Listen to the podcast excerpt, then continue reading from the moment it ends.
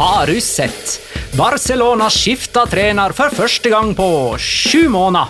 Og det føles som en ubetydelig pust i en orkan av ting som må gjøres før klubben kan nærme seg godt gammelt nivå igjen. Treneren er alltid den første som må gå, men hvor mange over og under han må slå følge. La liga loca. En litt gærnere fotball. Ja, ja, ja, ja, ja. Dette er La Liga Loca, episode 126 av det ordinære slaget med Petter Wæland. Hei. Buenas noches. Jonas Giæver, hei. Eventuelt buenas tardes. Og Magnar Kvalvik, hei. Dette har jeg registrert som vår første episode i sesong fire av La Liga Loca. Ja, det er fire sesonger mer enn jeg trodde du skulle klare. Da har du satt full ned i Malaga en plass der, altså. Das ist korrekt, mein friend. Ja, ja, men uh, gode tider, happy days. Vi skal snakke om Bers Barcelona. Ja, Det er ikke så langt ifra det. Det var, uh, det var en, nesten en slags uh, Freudian slip, at det ble en slags pønn uintended der. Barcelona i dag og framover. Vi må nesten vurdere hva de driver med og skal drive med i ja, jeg hadde nær sagt året som kommer. Omveltninga må til, det har i alle fall både Messi og Piquet og til og med Bartomeo, presidenten, sagt, men er ikke han en del av hele omveltningen, skal tro. Vi må snakke litt om hva som har skjedd med spanske lag, andre spanske lag i Europa denne sommeren og den siste veka. da. Valencia må vi ta en liten oppdatering på siden sist. Også alt det bajasrotet som har skjedd rundt La Liga playoffene, altså de playoffene med segundalag som kjemper om den siste La Liga-plassen. Skal vi begynne med Barcelona, da? Uh, vi har vel egentlig gått i studio på et litt ugunstig tidspunkt klokka ti over fem mandag 17. august, for vi veit ikke ennå om det er Ronald Coman som tar over etter Setien. Nei, det pleier som regel å komme en kommunikado offisial i det øyeblikket vi trykker på off, holdt jeg på å si, når vi er ferdig innspilt. Mm -hmm. Det er såpass mange troverdige kilder som, som rapporterer dette nå. Koman var selv i Barcelona i går, ble sett på flyplassen idet han skulle reise tilbake til Nederland. Men det er liksom som du er inne på, da, og som vi snakka om før vi gikk inn her, altså hvem som trener Barcelona framover nå, framstår for meg som kanskje det minst viktige. I hvert fall sammenligna med hvor viktig et trenerbytte faktisk pleier å være. Vi kan egentlig ta dette med det, Hvor pressa føler president Bartomeo seg sånn, egentlig? Er det ikke nå man skal dra den derre I'd 8 to be Bartomeo eh, akkurat nå? Ja, morsom i dag òg, den. Ja, kjempemorsom på lørdag og på søndag. Og... Altså, Det er som, som et par Adidas Originals. Det går aldri av moten, de vitsene der. Og, men, eh, men, og jeg gleder meg til alle Bono-vitsene vi skal ha etterpå. Nei, de, Nei, de, de, de var gikk ut i går. går. De gikk ut i går. Det var eh, I går var søndag Bloody søndag for Manchester United sin del, så vi kan godt gå vekk fra det. Men, uh, men jeg mener uansett at hvis Bartomeo og det styret der overlever dette her også, da, så er det jo eh, altså Man fortsetter jo å bedrive en slags fallitterklæring til det som mange anser som Barcelona, i det at de ikke bare Jeg tror at tidligere så var man uenig i, i styret til Bartomeo og måten de drev business på utenfor banen, men da var resultatene veldig gode på banen. Nå har man ikke noen resultater å vise til heller. altså man, Nå har man gått en sesong der man ikke vinner La Liga. Man blir ydmyket for tredje år på rad i Champions League, og man vant heller ikke Copa del Rey, som hadde vært et Kall det veldig, veldig, veldig lite plaster på et ekstremt stort blødende sår. Um, nå har de ikke så veldig mye å gjemme seg bak lenger, da, dette styret i Barcelona. De har ikke noe dytte foran seg. altså De har ikke råd til å kjøpe en superstjerne som kan på en måte viske ut litt av den negativiteten, og de sliter også med å få f.eks. Lionel Messi til å ville bli værende i Barcelona. I tillegg så har de bommet på treneransettelser, de har bommet på trenersparkinger, de har bommet på spillekjøp, de har bommet på spillersalg. det er liksom ingenting som stemmer for dem lenger, da. Og da, da er det noe grunnlag for å bli værende, hva? Eh, Og det er jo nesten som om man ikke kan si at de bommer på spillerkjøp, for at spillerkjøp er jo uansett bare for å balansere eh, økonomibøker. Ja, det er blitt sånn, da. Det er jo ikke, de kjøper jo ikke for suksess, men balanse. Jo, men det er jo òg veldig relevant i den store sammenhengen her. fordi eh, altså, man, man skulle jo tro at det var lett for Bartomeo å bare se seg selv i speilet og tenke at eh, dette her har rett og slett ikke vært godt nok. Eh, nå gir jeg meg før det blir enda verre. Ja. Det som er problemet her, er jo eh, litt av måten klubben blir styrt på, og hva som står i, eh, i, eh, i regelverket for FC Barcelona. Eh, og vi har vært inne på det litt tidligere. Årsaken til at denne Arthur Pjanic-varianten kom. Eh, hvorfor Sildesen-Neto-varianten skjedde i fjor, for å komme på riktig side av plusstegnet i Excel-dokumentet som er årsregnskapet til Barcelona. Og det skal bli godkjent først i oktober. Så det vil si at i ytterste konsekvens så risikerer Bartomeo, hvis han trekker seg nå, at det kommer inn en ny president som gjør de endringene han eh, føler må til på kort sikt for å eh, få Barcelona-laget på beina igjen, men òg for å eh, sørge for at han eh, kommer på rett kjøl med fansen, at han får en god start som president. Det eventuelle minusresultatet der, hvem går det utover? Ikke den nye presidenten, men faktisk Bartomeo og, det, og resten av styret, som da står økonomisk ansvarlig for det eventuelle tapet. Og da kan jeg være så kritisk som jeg bare kan og vil være til alle valgene Bartomeo har tatt, eh, og styre og sportsdirektør etc. Eh, men da kan jeg på mange måter forstå en eventuell eh, take fra hans ståsted, der han tenker at nei, jeg kan faktisk ikke trekke meg nå, for det kan gå faktisk enormt utover han som privatperson i etterkant. Synd, men sant. Eh, Men er det sånn at han kan framskynde valget, i alle fall? For det jo et presidentvalg i 2021, der han jo skal av, for han har sittet sin periode, eller Ja. sine perioder. Det kan han, og det kan på mange måter være en litt sånn Han kan, han kan tjene seg en buffer. For jeg tror veldig mange Barcelona-fans aller helst vil at han skal trekke seg akkurat nå. Det nest beste er at han eh, utlyser et presidentvalg som kommer tidligere enn juni 2021, fordi da korter man ned ventetida før driten er over. Og spranget fra det første alternativet, altså det de aller helst vil ha, til det de nest mest vil ha, er mye mindre enn spranget fra det de nest mest vil ha, til det faktum at han skal sitte et år til. Altså Skjønner dere hvor jeg vil hen? Ja da. Ehm, og de, altså Det kommer jo alltid rykter ut fra disse styremøtene. Om det er noen som sitter og sender WhatsApp til journalister underveis, det, det kjenner jeg ikke til mekanismene der. Jeg vil jo tro at det er noe sånt. Fordi som regel så blir det lekt ting, og så viser det seg å stemme.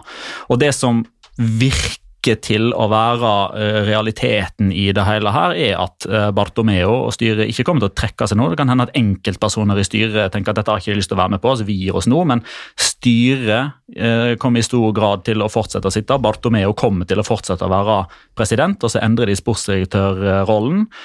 Og Kiki Setien er ferdig som trener, og sannsynligvis kommer Ronald Krohmann inn. Og når dette årsregnskapet er godkjent på årsmøtet i oktober, så utlyser de til et nyvalg som kanskje starter i januar og får sin slutt i mars. Eh, Men som sagt, ingenting av dette her er bekrefta.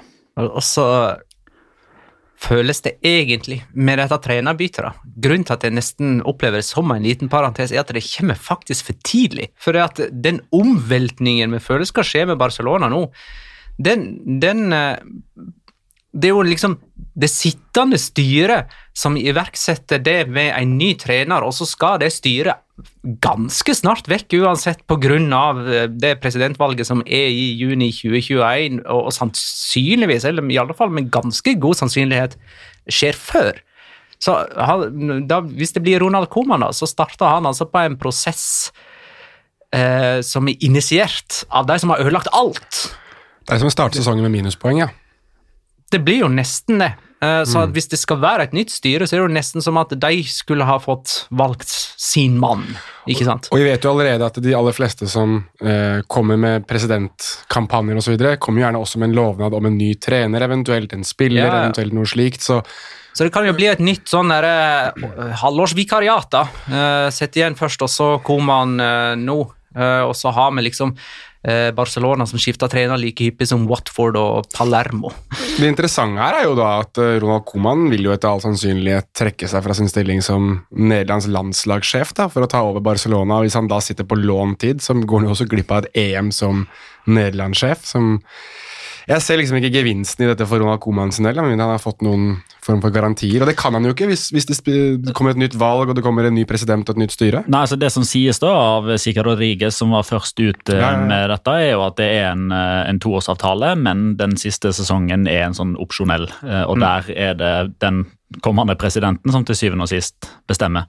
Så det virker som at Koeman Koman veit hva han går til. Eh, og da tenker jeg litt sånn han har nok fulgt dette her eh, fra utsida, han òg, men mer fra innsida enn oss, fordi han fortsatt kjenner masse folk i Barcelona. Eh, og den standingen han fortsatt har, og den, eh, ja, de følelsene han fortsatt har overfor klubben, tipper jeg har spilt inn på en sånn måte som gjør at han tenker at den jobben i Nederland, eh, den har han hatt. Eh, Jeg tror kanskje han kan leve i, en, eh, i sin realitet, og han tror at den kan han få igjen på et senere Ja, det er tidspunkt. Mens den Barcelona-jobben, den kan han få nå, og kun nå.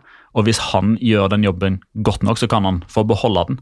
Og at det er større sjanse for det enn at han skal takke nei igjen, for han takka jo nei i januar. Ja, ja, ja. Og så skulle han kanskje takke nei igjen nå, eh, og så kommer kanskje da Xavi i 2021. Og så går det fire-fem år da før Barcelona skal ha en ny trener. Og da veit jo ingen om Ronald Coman i det hele tatt er i live. interessante er jo at uh, de har liksom gått på den lista, føler jeg, da, over at de vil ha en signal Altså en trener som kanskje gir et signal til det gamle Barcelona, da, i form av at han har en erfaring. kanskje vært, altså Han er blitt trent av Johan Cruyff, han har vært med å vinne ting. Så han har liksom gått hvem kan, vi, hvem kan vi gå etter? Xavi har sagt nei, for han er mer Victor Fontmann enn han er Bartomeu-mann. Neste på lista Pep Guard, nei.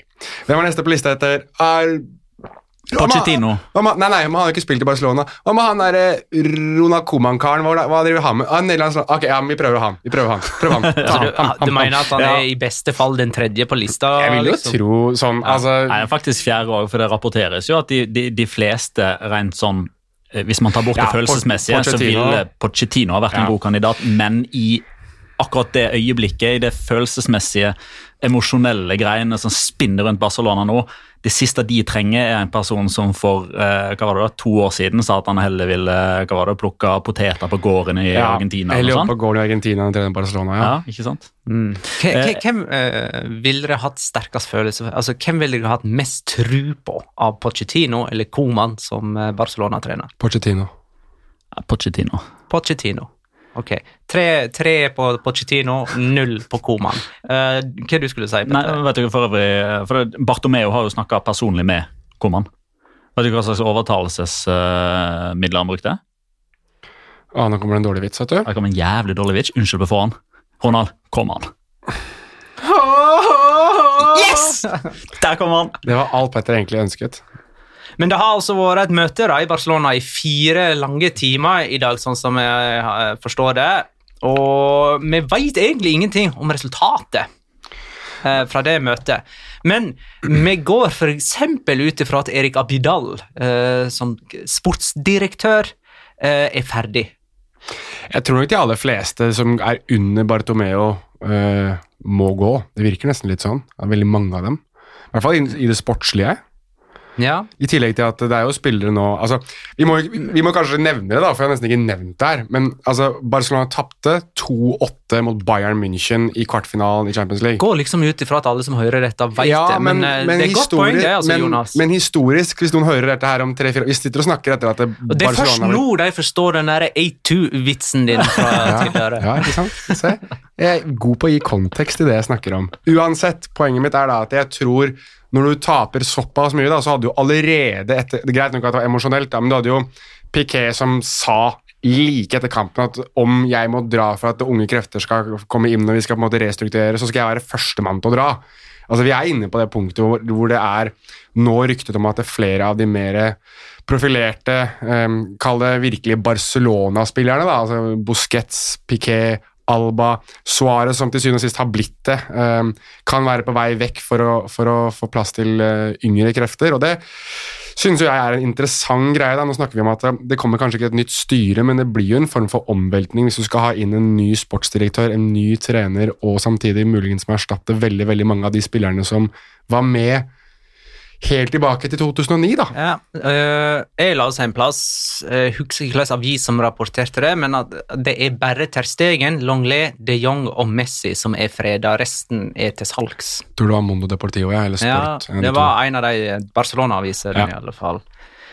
Um, jeg syns jo, hvis det stemmer, uh, det jeg har lest, at Barcelona må betale Liverpool 50 millioner kroner hvis Coutinho vinner Champions League altså, det at de ha, hadde en avtale i den overgangen som var spillerspesifikk og ikke klubbspesifikk, så om Coutinho, så lenge han er i Barcelonas eierskap, vinner Champions League, så må Barcelona betale Liverpool 50 millioner kroner, selv om det er med Bayern München han vinner, som, som han var med å slå ut Barcelona med, med to mål og en målgivende pasning på sine ti minutter, hva han fikk i den kampen. Tenk det, hvis det blir finale mellom Paris Saint-Germain og Bayern München, så har du Neymar, da, som har måte tvunget seg vekk fra Barcelona, som har fortsatt en feide gående, og det Paris Saint-Germain og Barcelona er ikke så glad i hverandre, på ene laget. Og så har du andre laget, Bayern München, der hvis Coutinho vinner med Bayern, så må Barcelona betale Liverpool penger. Det er jo pest eller kolera. Og den spilleren som mange anså som den første som forlot klubben på altså, Neymar-kapitlet for seg sjøl, Ja, ja, ja. men måten Tiago forsvant på. Ja, Med at mm. han ikke spilte den siste kampen, som gjorde at han automatisk forlenga kontrakten. Stemmer det. Gikk til Bayern. Mm. Og han skal til Liverpool, han òg, kanskje. Ja, altså, men jeg mener disse 50 millionene her er et kremeksempel på at her administrasjonen kan ikke jobben sin. Altså, det, dette er uprofesjonelt. Ja, altså, det er jo Altså, hva skal vi si Det. Jeg blir litt sånn tom for ord når når jeg Jo, ser sånne ting. Men hva skal vi si om dette styret som ikke er blitt sagt nå vi, sitt, vi har sittet her flere ganger, og vi leser om det på Twitter. Vi ser Barcelona-supportere, Barcelona-journalister, til og med spillerne selv er liksom helt sånn uforstående til hva er det det styret her driver med. Vi må omstrukturere. Men det skjer liksom ingenting, da. Og da begynner jeg å lure litt på hvem er det som Altså, hvor er det makta egentlig sitter da? Er det et styre som er enerådende? Det er jo ikke, det er ikke Øst-Tyskland, liksom. Det må jo være noen som kan ouste det styret der. Det er det jeg lurer på. Jeg, Ja. forst, jeg forstår det ikke. Nå er det press utenfra. Det kommer det alltid til å være. Det er press innenfra. Det er press i garderoben. Hvorfor er det ingen som eh, Greit nok at Petter la fram et ganske godt argument her nå til å begynne med, men jeg skjønner ikke hvorfor det styret da ikke sitter og sier at Vi er jo ikke ønsket. Vi klarer ikke jobben vår.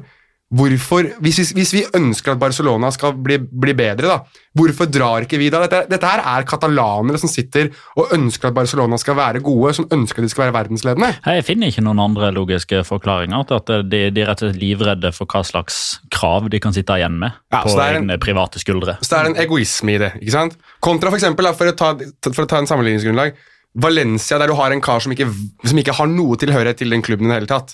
Han, han kommer jo fra Singapore, ikke, veit ikke hva det er å være Valencia. Dette er karer som vet hva Barcelona er, som vet hva det betyr for samfunnet, vet hva det betyr for den katalanske kultur, og så sitter de og pisser på det uke inn, uke ut, sesong inn, sesong ut.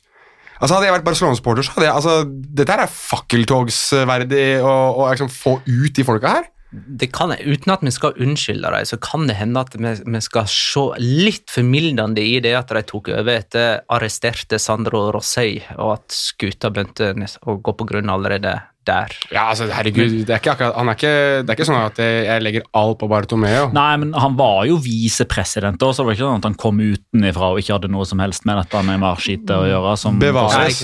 Bevares, men han Mm, kunne fint ha vært en formildende effekt på det der, det der sirkuset der. For det, det var et sirkus uten like. Han kunne ha kommet inn og styrt det på en litt bedre måte, men har jo nesten bare gjort det verre.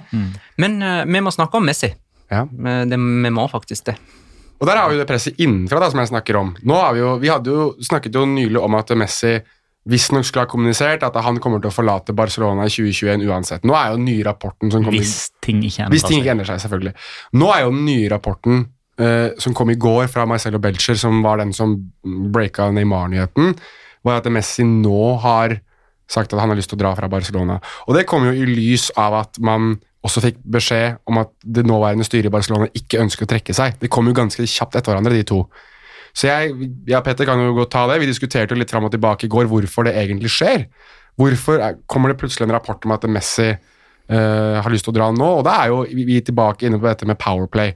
At nå, jeg, tror at det, jeg tror at det er Messi eller antorasje rundt Messi eller en spillergruppe der Messi har vist seg å være ledestjerna i garderoben i media, blant annet nå har bestemt seg for å legge det ultimate trykket på klubben og si at nå endrer dere noe, eller så skjer det som Messi da hinter om at kan skje. At han forlater klubben nå. Eller presser for å forlate klubben. Han kan jo ikke dra gratis. Mm. Den der klausulen har gått ut. Ja, det, det, er nettopp det, og det er jo eh, Jeg har kanskje kommet til skade for å kalle det en nyanse på Twitter, men det er jo faktisk en, en ekstremt viktig detalj oppi det hele. Ja, ja, ja. ja Eh, Messi er gud i Barcelona. Han er sinnssykt god, han er svær. Eh, han bestemmer nok eh, enda litt mer enn hva han vil at folk skal tro at han bestemmer. Mm. Men han er ikke den eneste fotballspilleren i historien som bare kan drite i en kontrakt som han har signert. Han kan ikke bare bestemme seg nå for at nei, dette gidder jeg ikke å være med på, så jeg stikker til City eller Inter eller hva det nå skulle være. Da må han i så fall terminere kontrakten, si fra seg all lønn og risikere å bli saksøkt herfra og opp i, langt opp i rassen av Barcelona. Det kommer aldri til å skje. Eh, Barcelona kommer aldri til å terminere kontrakten til Messi, for det tjener de absolutt ingenting på. De sparer lønn, riktignok, men det, eh, den kommer det dårlig ut av i så fall. Og er Bartomeo mislikt nå? Er Abidal mislikt nå? Tenk hvor mislikt de hadde vært hvis de hadde akseptert et bud, eller leid ut Messi til en annen klubb. Altså, Leid ut Messi hadde vært fantastisk. det er det jeg liksom eh, Jeg har vært i, i samtaler med ganske mange på, på Twitter og naboer altså, som er veldig interessert i hva skjer med Messi. Jeg ser at han vil bort. Tror du han drar? Og det er liksom ingen som Altså, alle glemmer det viktigste faktum her. Han har en kontrakt til 30. juni 2020. Innen Ein, først, 2021. Ja, ja, 2021. Eh, innen eh, 30. mai 2021 Mm. så kan han kommunisere at han drar gratis. Ikke nå, men da. Men, har, men da må jeg stille spørsmålet Har du noen gang, eller har dere noen gang Altså, Det er jo alltid rykter rundt Messi at han kan forlate Barcelona. Men har det, har det noen gang vært sånn som nå? Har man noen gang hatt Jeg sitter med en feeling på at eh, hvis virkelig dette her begynner å storme, så kan jeg forestille meg at Messi pusher for en overgang. Ja, ja. Definitivt. Han er nærmere nå enn han noen gang har vært før. Ja. Men det samsvarer jo med at Barcelona står med gjørma lenger opp på kroppen enn hva de noen gang har gjort før. Ikke uenig overhodet. Magnar? Altså, jeg syns jo Øyvind Alsaker sa det veldig bra eh, på TV 2 da han sa at eh, 14.8.2020 var Barcelonas datostempling. Da gikk de ut på dato. Eh, og da var det 8-2 Det lukta surt ganske lenge, da. Men, jo, jo, eh, ja. og jeg er helt med på det, altså. Og jeg, for å legge til ytterligere, altså den dagen Messi forlater Barcelona, da snakker vi datostempling, altså. Ja. Da er æraen ferdig. før og etter. Ja, det er før og etter Det er før og etter. Og hva det er sånn, Hvis man ser på det Barcelona er nå, hva er igjen da? Altså Messi hele attraksjonen. han. Altså, eh, Messi er eh, den som gjør navnet Barcelona så stort i moderne tid. Altså, Hvor stor vil turismen være til kamp nå den dagen de vet at Messi ikke skal spille for Barcelona mot Granada eller Mallorca eller skal vi ta opp igjen Real Saragossa når de endelig har kommet tilbake?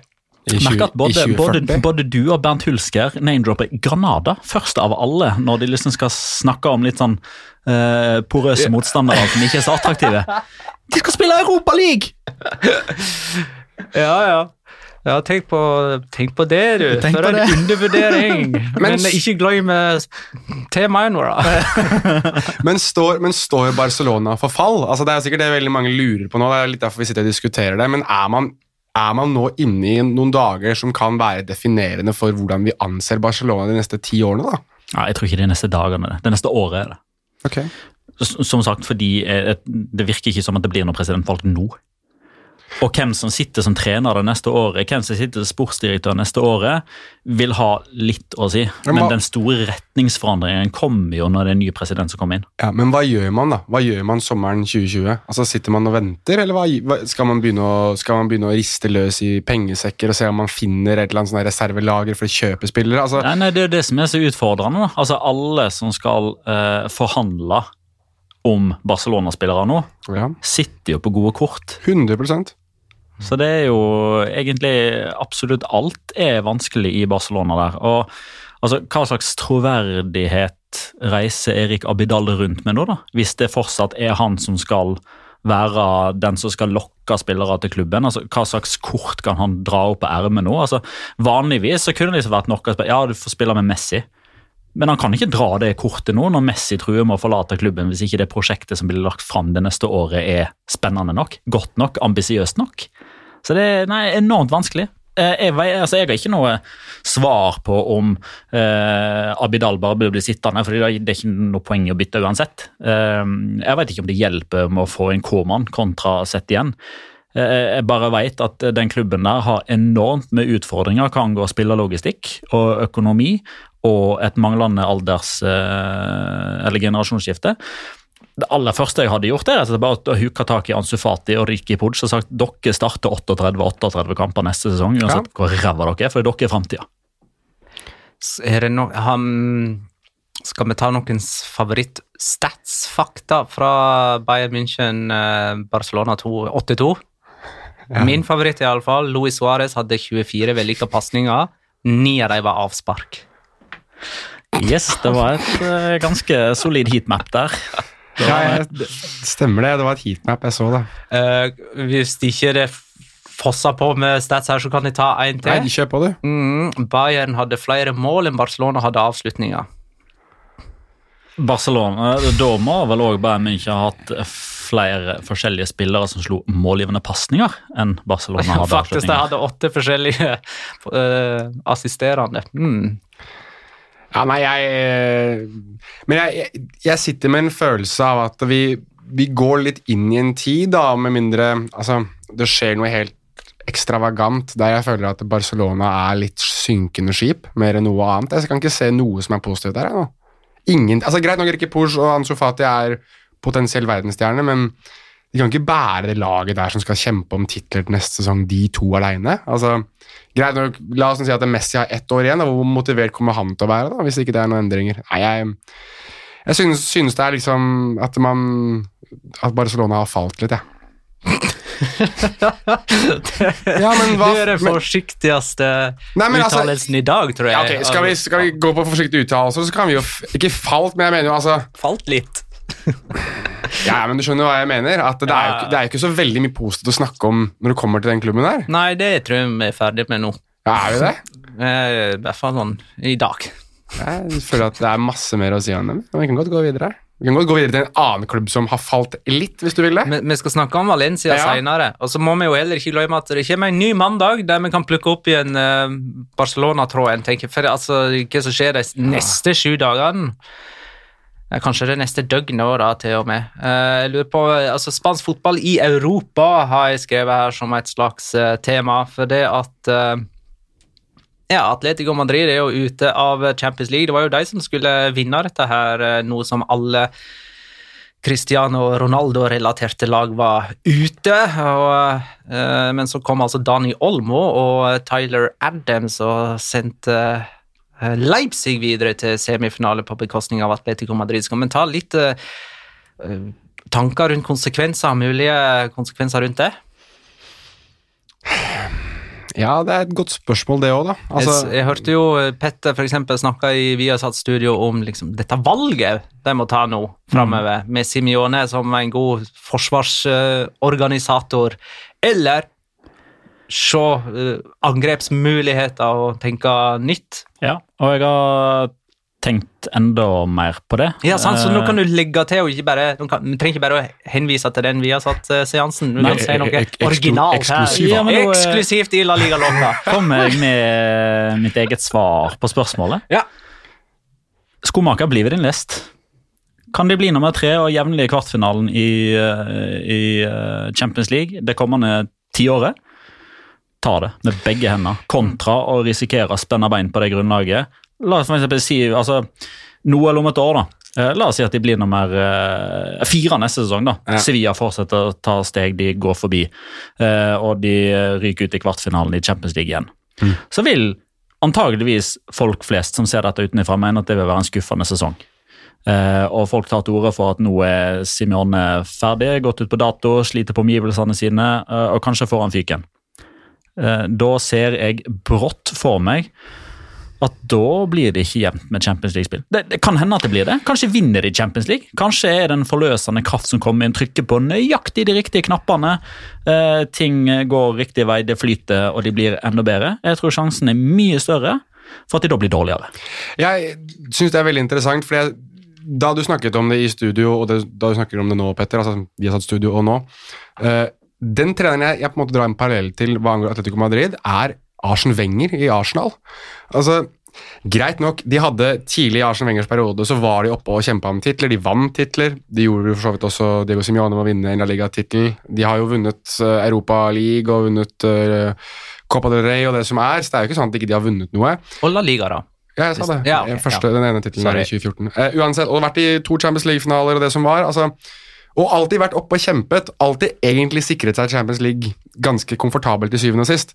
Det har nesten blitt vanesak at de skal være med i Champions League. og Jeg synes jo hans ettermæle må jo være at han gjorde de to store til de tre store i spansk fotball. Ved å på en måte bryte det hegemoniet mellom eh, Barcelona og Real Madrid. Og da tenker jeg jo litt det at mye vil jo ha mer. Og jeg altså, hadde jo aldri vært på Vicente Calderón før den kampen vi var på, Petter, da vi så Atletico Madrid mot Villarreal, um, som Villarreal vant vel 1-0, var det ikke det? Mm. Det og sist? Og det som slo meg med Vicente Calderón, var at det, det var en klubb som var eller en stadion som var for en klubb som var av folket for folket, og som alltid skulle være en form for underdog. Um, veldig sånn bykjær klubb. Og, øh, altså, du fikk en mer sånn ektehetsfølelse i det. da. Eh, og neste gang jeg da besøkte Atletico Madrid, da var det jo da vi var på Champions Tour med, med Viasat, og vi var på Wanda Metropolitano. Og det er jo en svær murblokk oppå en høyde og en plastisk eh, supporterbutikk. Altså det men det er også den forringingen av at dette er en liten klubb som har blitt en storklubb. Altså Dette her er en klubb som skulle slå nedenfra, til en klubb som nå slår ovenfra og ned. Og det må man faktisk gi Diego Simione nesten ene og alene kreditt for. Han har båret den klubben opp dit, altså, på den høyden de står på.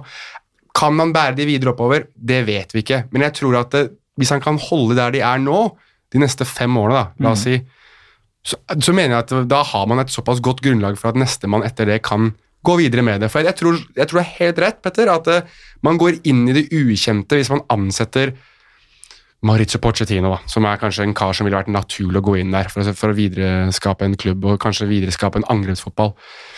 Men, men er det vits i å gamble når man egentlig nesten har det nærmeste man kommer en garanti nå? Ja. Nei, det er nettopp det jeg føler. Jeg føler eh, Det er liksom ikke Det er ikke kvitt, det er ikke kvitt eller dobbelt engang. Eh, altså Oddsen er mye dårligere, syns jeg. Altså Det man risikerer å tape Jeg syns ikke det er verdt det. Altså, Nå har snart Simione vært der i ti år.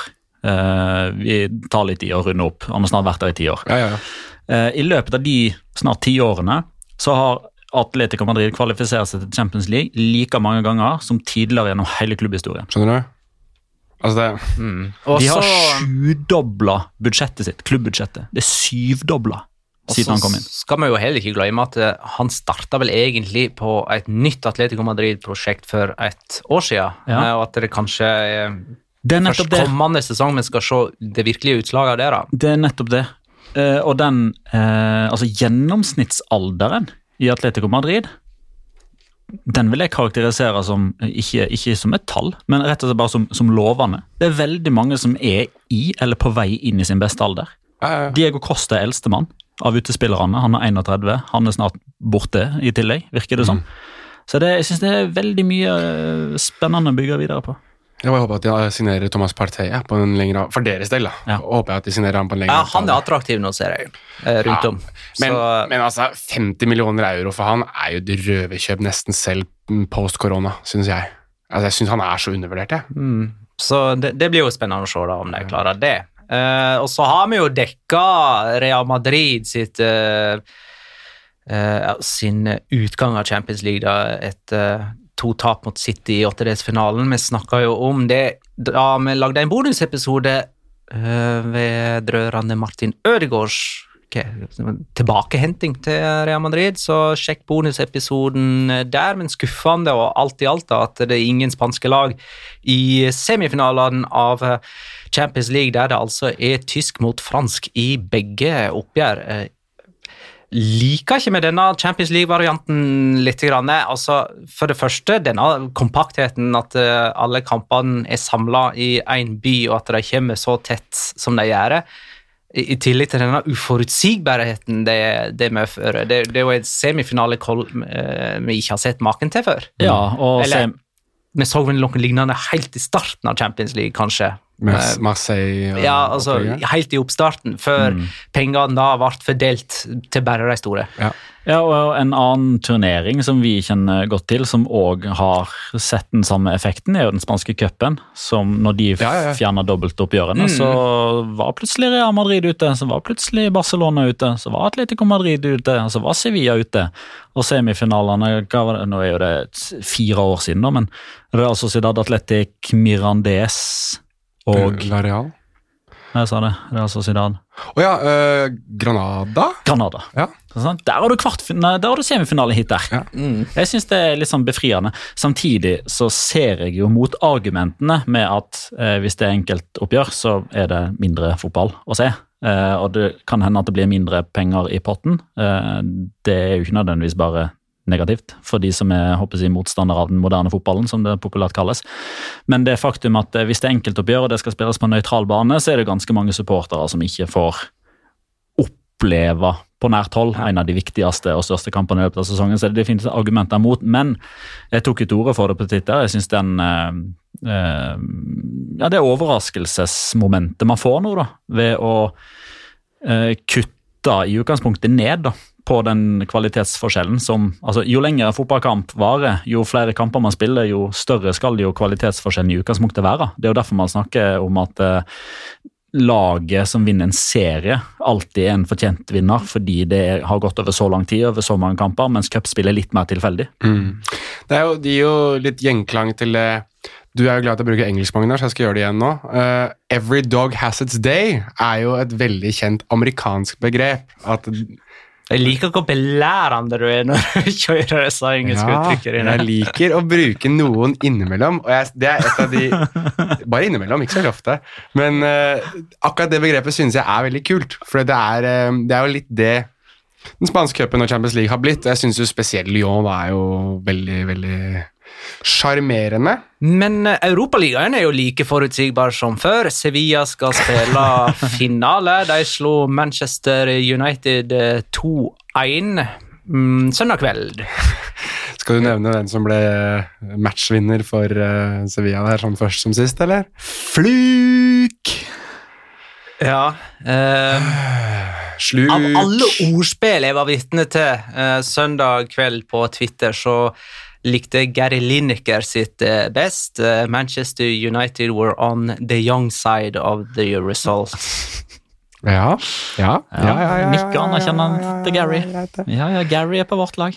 Men er det litt da Altså, har vi som har vært Eller les, jeg som har vært veldig kritisk til Luke de Jong Jeg må jo da bare si at eh, den gang Monchi har signert deg til Sevilla, så skjer det noe bra med deg til syvende og sist, som regel. Altså, han spiller jo til syn... Han, han har jo ikke bomma der sånn I det store og det hele så har jo Luke de Jong nå skutt Sevilla til finale i Europaligaen, så da er det jo Er du flopp da, liksom? Sånn egentlig? Jeg vet ikke helt. Ja, og så med andre storkamper eh, han. Matchvinner Ja. eh, i eh, Derby Sevillano i tillegg. Jo, jo, men selvfølgelig. Altså, jeg, men jeg bare tenker Sett over en hel sesong, altså, ja, Ja, Jeg, har ikke Luke Young, Luke Young, hatt en helt sånn wow-sesong. Han har ikke vært særlig god, han har jo ikke det. Han, på ingen som helst måte, og det var jo, det var jo en, nesten en sånn uh, uh, erklæring i Sevilla sjøl òg, for de henta jo Enesiri uh, i eh, januar. Kom en litt suselyd her nå, jeg vet ikke om det påvirker opptaket. Jeg håper ikke det. Nei, får si beklager i så fall. Ja, det sier vi beklager.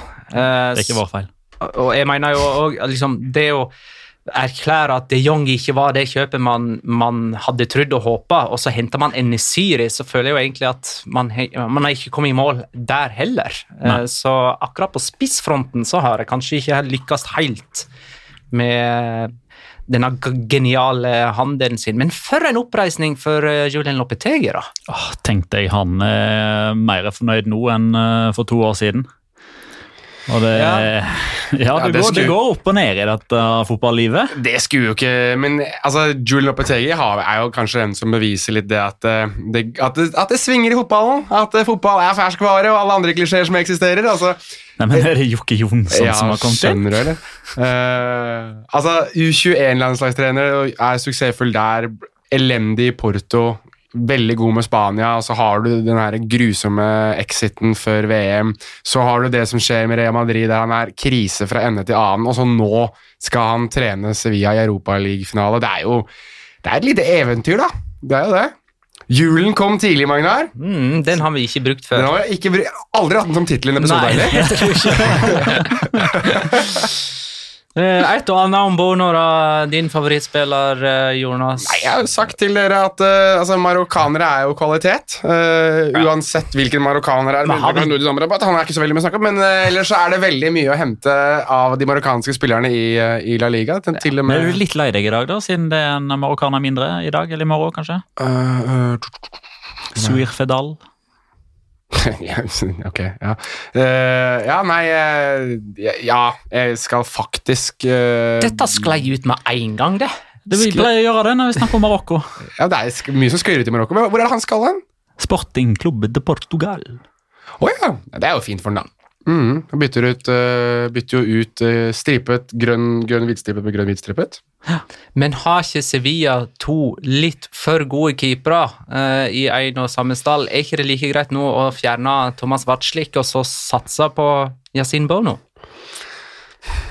Eh, Altså, Thomas Watzlik har jo hatt en veldig veldig god eh, karriere i Sevilla. da. Jeg synes jo han har gjort seg fortjent til å være førstekeeper, men jeg vet ikke helt om Bono burde bli værende i Sevilla som en annen keeper. Jeg, Nei, det er så. jeg, likte, jeg likte jo ikke den der Sergio Rico David Sora-varianten der de byttet på hvem som var førstekeeper i de ulike Ja, turneringene. spørsmålet er jo hvem som er førstekeeper nå, da. Altså, Vatslik sitter på benken nå. Han er skadefri igjen. Ja. Det er Bono som blir valgende. Hende at liksom han har fått sin turnering, men sånn kan det jo jaggu være for en eh, kommende sesong òg. Og da er det Champions League som er liksom turnering nummer to. Vatslik er 31, Bono er 29.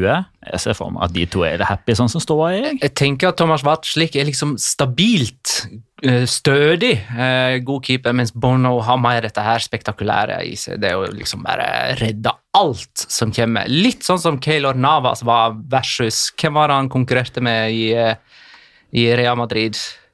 Han var liksom andre keeper, Kelo Navas. Var det han der, Eh, var det han der, var det han der, var det han der, var det han der Iker Casillas, var det han het? Nei! Nei, det var det ikke. Det var Diego Lopez. Nei, det var det vel ikke? Nei. Hvem var det som var, Var det var, Courtois? Det var Courtois. Første sesongen til Courtois. Ja, mulig. Herregud, hvor fort tiden går. Claudio, Ja, Claudio, sånn Bravo, 2002, var ikke det? Claudio Bravo og Marc-André Ter Stegen, da. Den, den er jo fra 2014-2015. Der byttet de jo på. Ja. Marc-André Ter Stegen vant jo La Liga uten å ha spilt en eneste kamp i La Liga. Ja, fordi. Claudio Bravo var Han skal sannsynligvis tilbake til La Liga. Claudio Bravo Mm. til Real Betis. De trenger ny keeper. Men- Spørsmålet er om det er han de trenger. Er chilener, ikke sant? Mm. Ja. Uh, Pellegrini. Har vi tro på at eh, Sevilla vinner Europaligaen, eller? Vi veit ikke hvem de møter. Det er vel hakket større mulighet mot Shakhtar enn mot eh, Inter, eh, men jeg tror de vinner uansett. hadde jo vært eh, Derfor for at det er deres turnering, liksom. Ja. Altså, prove me wrong. Jeg Så kan vi gjerne ha Banega- argumenter imot. Altså, det Inter kan være så gode de bare vil. Dette er Europa League. Eva- Ever Banega-finalen, det, hvis det er Inter mot Ja. Sevilla. Mm. Det er det faktisk. Men uh, ja, det hadde vært gøy hvis det var Shakhtar, da, for da får vi en litt sånn flashback til Sevilla mot ukrainsk motstand i finalen. De har jo slått Dnipro tidligere, som ukrainsk lag. så... Ja, nei, eh, Kult for Sevilla. De snudde altså den kampen mot Manchester United. Det, det er ganske sterkt. Godt backspill igjen. Region og, eh, og Navas med hver sin uh, målgivende. Gode taktiske grep av Lopetegi. Altså, han gjorde jo faktisk bare et dobbeltbytte eh, etter de ti minuttene av andre Ja. omgang, der United dominerte fullstendig? Ja, Han satte vel inn på eh, Luke de Jong, og f var det da Franco Vaskes kom, eller var det litt etterpå? Det var Eh, Nei, det. det var Monir for Ja. Monier for Ocampos var det.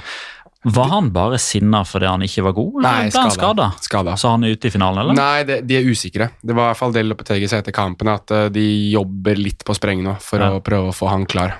Han Ja, så jo det er- fly forbanna ut. da, Ja, han så han hadde jo teipa på kneet. Ja, ja. Men jeg regner jo med at eh, Lucas Campos på 60-70% spiller fra start, og så tester de det. Det er fredag kveld, det. At det er finale i Europaligaen. Hadde jo vært Jeg må jo ærlig innrømme at jeg, jeg har nesten litt lyst til at Inter skal gå videre, bare for å se Nå har jeg jo hatt mye wrestling-referanser på Twitter, så tar jeg en her òg. Andre the Giant, kjent som Di- Diego Carlos mot Hulk Hogan, kjent som Romelu Lukaku. Det hadde jo vært Tenk det, eh, det blir krater De gjør jo et det. eller annet sted på banen der. Ja, de gjør det. det. I De hvert to fall hvis Diego Carlos er så villbass som han har vært i de to kampene mot Wolverhampton og Manchester United. Oh. I vår bonusepisode, som først og fremst handla om Martin Ødegaard forrige uke, så snakka vi òg om Valencia og deres salg av Coquelin, Parejo og eh, Ferran Torres for latterlig lave summer. Er jeg helt på jordet hvis jeg sier at det var de tre beste spillerne deres forrige sesong? Altså den sesongen vi nettopp har lagt bak oss? Tror eh, hvis, hvis ikke det var bakteppet Hvis det ikke var bakteppet at Ferran Torres, Dani Parejo og Francis Coquelin hadde blitt solgt, og du skulle si de tre beste Valencia-spillerne, så tror du bare hadde sagt to av de. Det, det Men hende. narrativet er så fint at Ja. gir deg den. Gir Jo, deg den. jo. Tre av de beste, definitivt. Men, ja, jeg, jeg klarer ikke å komme på hvem jeg har glemt i så fall, av topp tre Valencia-spillere forrige sesong. Men kanskje det kom litt bardust på dette her. Når Kondogba Eh. spilte, var han god, da. Men, ja. Ok. Ja, Men, ja. men det jeg etterlyste da, eh, det var liksom eh, klubbens eh, beroligende melding til fansen som følge av disse salgene. Altså, de må jo på en måte komme med en eller annen respons for å rettferdiggjøre dette her, og har den kommet? Jeg gidder ikke å svare på det. jeg. Eh, Ja, det kom jo et eh, langt, eh, åpent brev fra president Anil Murti til fansen, der han fra sitt ståsted, som er bakerste rad bak en benk under masse drit, for å være helt ærlig, kom med sine forklaringer til hvorfor ting var blitt som det var blitt. Tror ikke det er noe poeng verken for oss eller for lytteren at man refererer så veldig mye til hva som ble sagt der. Jeg vil derimot eh, henvise til en sånn eh, tekstanalyse som en god journalist som følger Valencia tett, Paco Paulit. Søk opp eh, Paco Polit på Twitter, eventuelt gå inn på min profil, for jeg har lagt ut en link til den teksten der egentlig stort sett alt av Anil Murthys resonnementer og argumenter blir eh, regelrett avkledd. Um, og ja, når man liksom ikke trodde at ståa kunne bli verre økonomisk i Valencia, uh, annet enn at man eh, Altså Alle per definisjon er til salgs, spesielt de som har eh, to år eller mindre igjen av kontrakten og høye lønninger. De er man i hvert fall interessert i å bli kvitt. Så kommer det jo i dag, eller det var vel strengt tatt i går, eh, så kommer det rapporter om at eh, likviditeten i klubben er så dårlig at Valencia-spillerne nå står i fare for ikke å motta lønn, men at i stedet skal få en sånn, hva du kalte det for, IOU. IOU, ja. Det er jo en sånn Um, Kan du få gaver, da, i alle fall? Få eh, ei avis, en eller frukt, fruktkurv eller noe sånt. Det er mye, veldig mye appelsiner og generelt sett sitrusfrukter i Valencia-området. Nei, det er vel en IOU er jo en type sånn vi lover å betale deg da og da opplegg. Det er juridisk greie. Men uh, jeg vet liksom ikke hva med Jeg følte at jeg blåste veldig ut nå siste episode, episoden før om Valencia, men det er jo bare Hvis du tror at situasjonen i Barcelona er ille, liksom, så er jo Valencia sånn helt hold my beer på absolutt alt mulig akkurat nå, da. Um, og jeg stiller meg bak det Petter sa angående den saken til Paco Pollitt, og egentlig også følge de som ikke snakker spansk, da, følg Paco på litt, blant annet, for han oppdaterer veldig ofte veldig, veldig jevnlig om det som skjer rundt om i klubben. Nå er jo også litt det som diskuteres, er at Valencia har siktet seg inn på spillere som ikke de må betale overgangssum for, hvis de skal hente inn noen spillere. Eh, og som Petter sier, alle spillere er per definisjon til salg, og da Altså, det, det kommer jo til å bli verre før det blir bedre, det her. Det gjør jo det. De beroliger liksom med at man skal satse på egne spillere og sitt eget ungdomsakademi. Men de gjør jo ikke det heller! Nei, og poenget er at det er ikke et valg de har gjort. De har bare havna i den situasjonen at de må uh, gjøre det.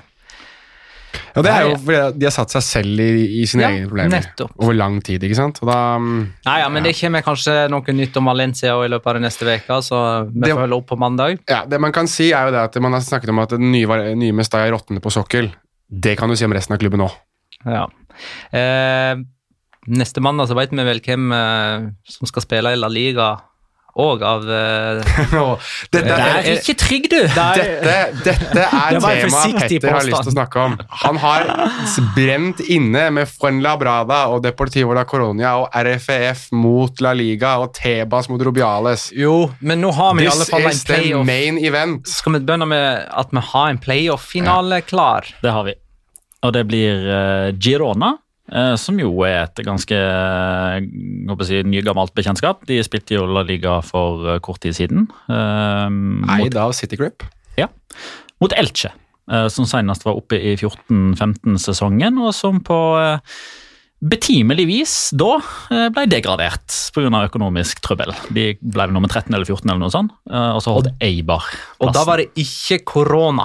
eh, Da var det ikke korona, da var det rett og slett bare dårlig styring og utestående gjeld. Eh, Så det er jo faktisk, eh, jeg ser eh, bare sånn for å krisemaksimere ytterligere hva angår Valencia. Ytterste konsekvens, betaler du ikke lønn til spillere i La Liga, så kan du bli tvangsdegradert. Mm, Miste lisensen. Stemmer det. Kan jeg bare få sk- skutt inn noe om Elche før du går videre? Har dere sett den som er kobla dit i dag? Det er jo vår venn Jossu Gallus Fransen som har uh, vist meg ordspillet, men jeg må jo bare dele det, for det er så fantastisk bra. Ander Guevara er jo koblet til Elche, og hvis han går dit, så blir det jo Elche Guevara. Jeg liker det. Jeg liker det. Ja. Ja. Må, måtte bare dele den. Takk skal du ha, Josu. Den setter vi veldig pris på. Men eh, altså eh, Jeg vil jo egentlig at Petter skal prøve å ta oss litt gjennom det som også er dramaet som pågår nå i spansk fotball. For her er det jo legitimt noe som, som journalister faktisk kaller potensielt den største skandalen i spansk fotball. Kan du prøve å ta oss litt igjennom hva det her egentlig går ut i? Jeg skal, prøve, jeg skal prøve å være kjapp, og det blir jo da fra top of my mind. Eh, Men alt eh, spinner jo tilbake igjen til den siste ordinære serierunden av Segunda-sesongen, som skulle blitt spilt siste helga i juli. Eh, Det som da skjer, er at det blir et koronautbrudd i spillertroppen til Fuen Labrada, som har reist til bortekampen mot Deportivo la Coruña. Eh, I timene i forkant av den kampen så er det hektisk møtevirksomhet. Eh, La Liga sier sitt, det spanske fotballforbundet sier sitt. Deportivo og andre sekundaklubber segundaklubber som får nyss i situasjonen, sier sitt. De aller fleste har lyst til å utsette hele runden for å få kontroll på situasjonen i Fuenlabrada, sånn at kampene kan spilles samtidig. For Det står det spesifikt i spillreglementet til Segunda at den nest siste og siste serierunden skal spilles på horarios unificado, altså at alle kampene skal starte på samme tidspunkt hvis de er av betydning og har noe med hverandre å gjøre. Og det var det jo definitivt i denne siste serierunden, som da altså gikk hen eh, med ti av elleve kamper, mens eh, Fuenlabrada sin bortekamp mot Deportivo ble utsatt. Eh, Det som da skjer i løpet av den siste serierunden, er at alle resultatene går mot Deportivo, som dermed er matematisk klare for Segunda B. Hadde de vunnet 100-0 mot eh, Fuenlabrada, så hadde de ikke hatt noe å si. De hadde rykka ned uansett, på dårligere innbyrdes enn Ponferradina. Eh, og så eh, begynner jo Deportivo-styret å rasle med sablene og mener at eh, dette her finner de seg ikke i. Eh, det, det, går, det går ikke an å rykke ned på den måten der, for de har rett og slett ikke hatt muligheten til å ha en innvirkning på hvordan den siste serierunden foregikk.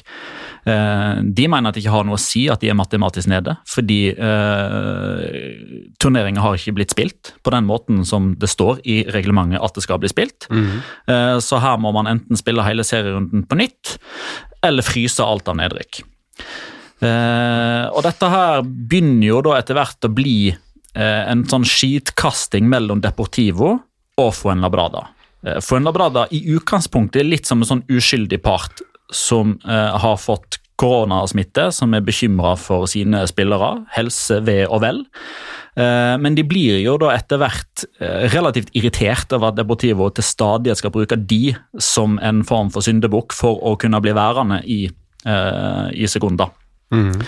Så etter hvert så utvikler jo dette her seg. Eh, man er usikker på hva som skjer med kampen, for kampen har jo fortsatt ikke blitt spilt. For en Labrada mot Deportivo da Coronia må jo på et eller annet tidspunkt bli spilt, selv om den ikke har noe å si for Deportivo. Den har derimot noe å si for eh, La Liga playoffen, fordi Fuenlabrada lå på eh, veldig god, eh, godt skuddhold med tanke på å bli topp seks.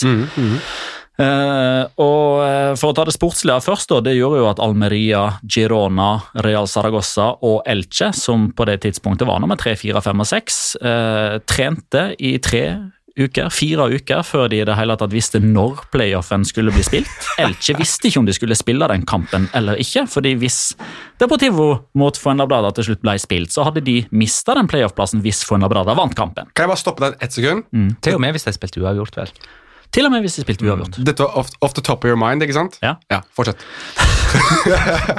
Det er derfor det tar så lang tid, Ja, ja. faktisk. Nei, jeg bare, jeg bare, bare sånn Sånn at, sånn at La Liga Loca-lytteren vet hva eh, Petter Wælands mind går i. Dette er off the top of his mind. Der lukta han PC-en for øvrig òg. dette er off the top of his mind. Fortsett. Ja, Det var det sportslige. Eh, og det rettslige, derimot, eh, det utvikla seg jo til å bli en skittkasting, opphøyd i skittkasting. Det var ikke en klubb i Segunda som ikke kom med en kommunikado official, altså pressemelding, der de hadde en mening om saken. eh, Nomancia og Deportivo la Coruña tok til orde for at neste sesong så må det være 24 lag i Segunda, eh, ikke 22 som det pleier å være. Eh, Sånn at de kunne holde seg. Sånn at de kunne holde plassen. Da kom det pressemelding fra Extremadora og Racing Santander, som hadde rykka ned henholdsvis 12 og 19 serierunder før slutt, om at ja, men hvis, hvis Numancia Deportivo skal bli benåda, da skal vi òg bli benåda. Så da blir det 26 lag i Segunda neste sesong. Real Saragossa eh, kom med et forslag om at La Liga skulle inneholde 23 lag neste sesong, og at tre lag skulle rykke opp. Uesca og Cádiz, som ble nummer 1 og 2, og betimelig nok Saragossa, som ble nummer 3. Uh, og etter hvert så uh, så man jo at dette her var en sånn uh, type situasjon som var veldig spansk. For nå begynte det å bli eh, ikke bare sånn det var ikke lenger sånn at man eh, begynte å le når man så hvordan dette utviklet seg, men man begynte faktisk å bli oppriktig litt sånn trist og lei. For nå begynner politikken å blande seg inn Polemika. polemika. Eh, da viser det seg jo at eh, han som er eh, rådgiver i Fuenlabrada, det er Javier Tebas. Ikke La Liga-sjefen eh, sjøl, men sønnen, som heter akkurat det samme. Så da begynner jo Deportivo la Coronia å eh, kreve at Javier Tebas eh, skal si seg inhabil, og at han eh, må gå av som La Liga-president. Samtidig så kommer det ekstremt sterke rykter om at hele denne Fuenlabrada Gate, som det kalles, og Deportivo la Coruña sin eh, desperate kamp for ikke å rykke ned til eh, nivå 3 i spansk fotball, egentlig er en ny sånn eh, kamuflert Tebas mot Rubiales variant. Altså La Liga mot det spanske fotballforbundet. Nettopp. Ehm, og um, sånn som ståa er nå, da. Siste nytt i saken er jo at uh, dommeren i konkurransekomiteen i det spanske fotballforbundet har kommet med en innstilling om at Fuenlabrada må degraderes. Etter at de testet hvor mange positive Ja, på, grunn- på, ja, på grunn av at de reiste til A Coruña med koronasmitte i troppen. De hadde kjennskap til det, de visste om det, og de reiste allikevel til La Coronia og satte konkurransen i fare. Det er liksom det som er argumentet. Eh, Og dette er et såpass alvorlig brudd, mener konkurransekomiteen, at eh, de må strenges på straffeste måte. Eh, De må straffes på strengeste måte. Og det er eh, degradering til Segunda B, hvilket vil bety at det er Deportivo la Coronia som i så tilfelle holder plassen. Men det som er det aller mest graverende her, og som er det siste, den siste nyheten, er at den dommeren som har kommet til denne kjennelsen, som ennå ikke er formelt eh, godkjent eller offisielt, det blir den i løpet av kort tid, han var ikke en del av i hermetegn dommerteamet. Nå snakker vi ikke om de med fløyter og, og flagg, men eh, altså retts, rettsvesenet. ja, rettsvesenet. Dommere. Ehm, han, han var ikke blant de som kunne agere som en sånn type dommer i ankesaker i 2019-2020-sesongen. Han var ikke oppnevnt. Han var ikke oppnevnt. Han ble plutselig oppnevnt i denne spesifikke saken dagen før det ble tatt ut denne tiltalen. Eh, Det i seg sjøl er jo litt sånn humbug og innbyr til konspirasjonsteorier, men det verste er Som dommer i denne saken her, så er hans oppgave å finne ut hva er det som har skjedd. For å finne ut hva det er som har skjedd, så kan ikke han lese aviser. Han må snakke med hver enkelt av de involverte. Han har snakka med alle som har noe som helst med dette her å gjøre, deriblant legen i Fuenlabrada. Fordi det er legeteamet i enhver klubb i La Liga som har til ansvar å følge covid-19-protokollen som La Liga i samarbeid med Helsedepartementet i Spania har kommet fram til. Der står det hva du skal gjøre til enhver tid. Ethvert scenario er belyst. Det er litt sånn, eh, Skjer dette? Ja? Nei? Ok, Gå til venstre eller høyre i protokollen. Altså, alt står der. Du får svar på alt, uansett. Og Alt dette her blir jo da nødvendigvis teipa og transkribert. Du har et lydopptak, og du har en eh, rapport som har blitt skrevet av dommeren i etterkant. Dette kalles et politiavhør på godt norsk. Eh, ja, bare at ikke politiet, da. Nei, men dette er sånn et politiavhør ville foregått. Ja. Eh, ja. Uh, det som er så graverende her, er at Og dette her er det Cadena Kåpe igjen. De er alltid først ute med dette her. Radiokanal. Radiokanal. Uh, de, har jo, de har jo lekka dette lydopptaket som legen i Fuenlabrada òg har tatt opp. Altså Han har også sittet med opptak for å kunne eh, Beskytte seg selv. beskytte seg selv hvis det skulle være noe polemikk. Det, han så kanskje dette her komme. Og Han får da et spørsmål fra dommeren. Har du på noe som helst tidspunkt anbefalt klubben å ikke reise til Acoronia etter at det ble kjent at det gikk rykter lørdag kveld, altså dagen før de skulle reise, om at det var fire stykker i troppen som hadde testa positivt? Ja, det hadde han vurdert. Og etter protokollen så bla, bla, bla, bla, bla, bla, og så resonnerer han seg fram til dette her, bla, bla, bla, bla, bla. Denne dommeren blir da eh, du, du, du hører på han at han blir oppriktig irritert og mener at han ikke svarer på spørsmålet. Han sier dette her er veldig enkelt og greit. Jeg spør igjen, har du på noe som helst tidspunkt anbefalt klubben om å ikke dra til Akoronia, vel vitende om at det kan være koronasmitte i troppen? Ja, men bla, bla, bla, bla, bla. Og så forklarer han og forklarer og forklarer. Vi har fulgt La Liga sin protokoll hele tida. Eh, og dommeren blir igjen enda mer sint og forbanna og sier vet du hva, det er ikke noe poeng å fortsette dette her. Du svarer ikke på spørsmålene mine, du er ikke samarbeidsvillig. Takk for at du eh, tok telefonsamtalen. Ha det. Legge på. Det i seg selv er jo en veldig dum eh, oppførsel. Men, men det kan hende at det er sånn det skal være. Det vet jeg ikke. Det som derimot skjer, er at fra denne telefonsamtalen det eneste som blir tatt med i den offisielle rapporten, som er hele grunnlaget for at Fuenlabrada visstnok da skal degraderes, er spørsmål fra dommeren. Har du på noe som helst tidspunkt anbefalt klubben om å bli værende, altså ikke dra til A fordi det kan være koronasmitte i troppen? Ja. Det er det eneste som står i svaret. Det eneste som står i svaret, er ja.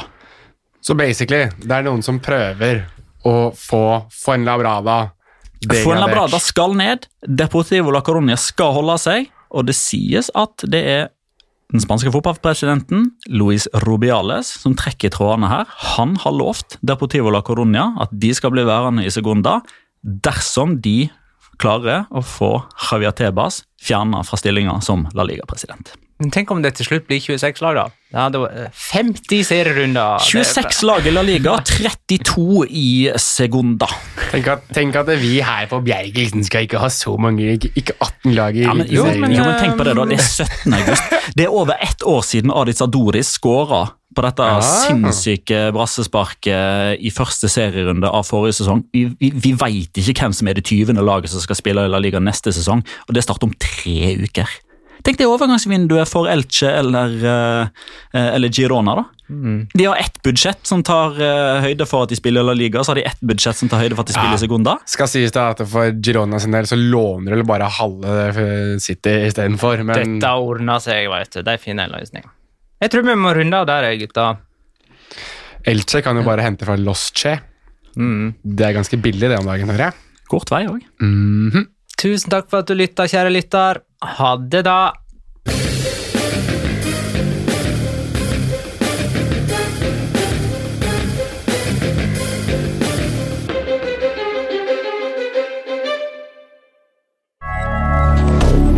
Moderne media.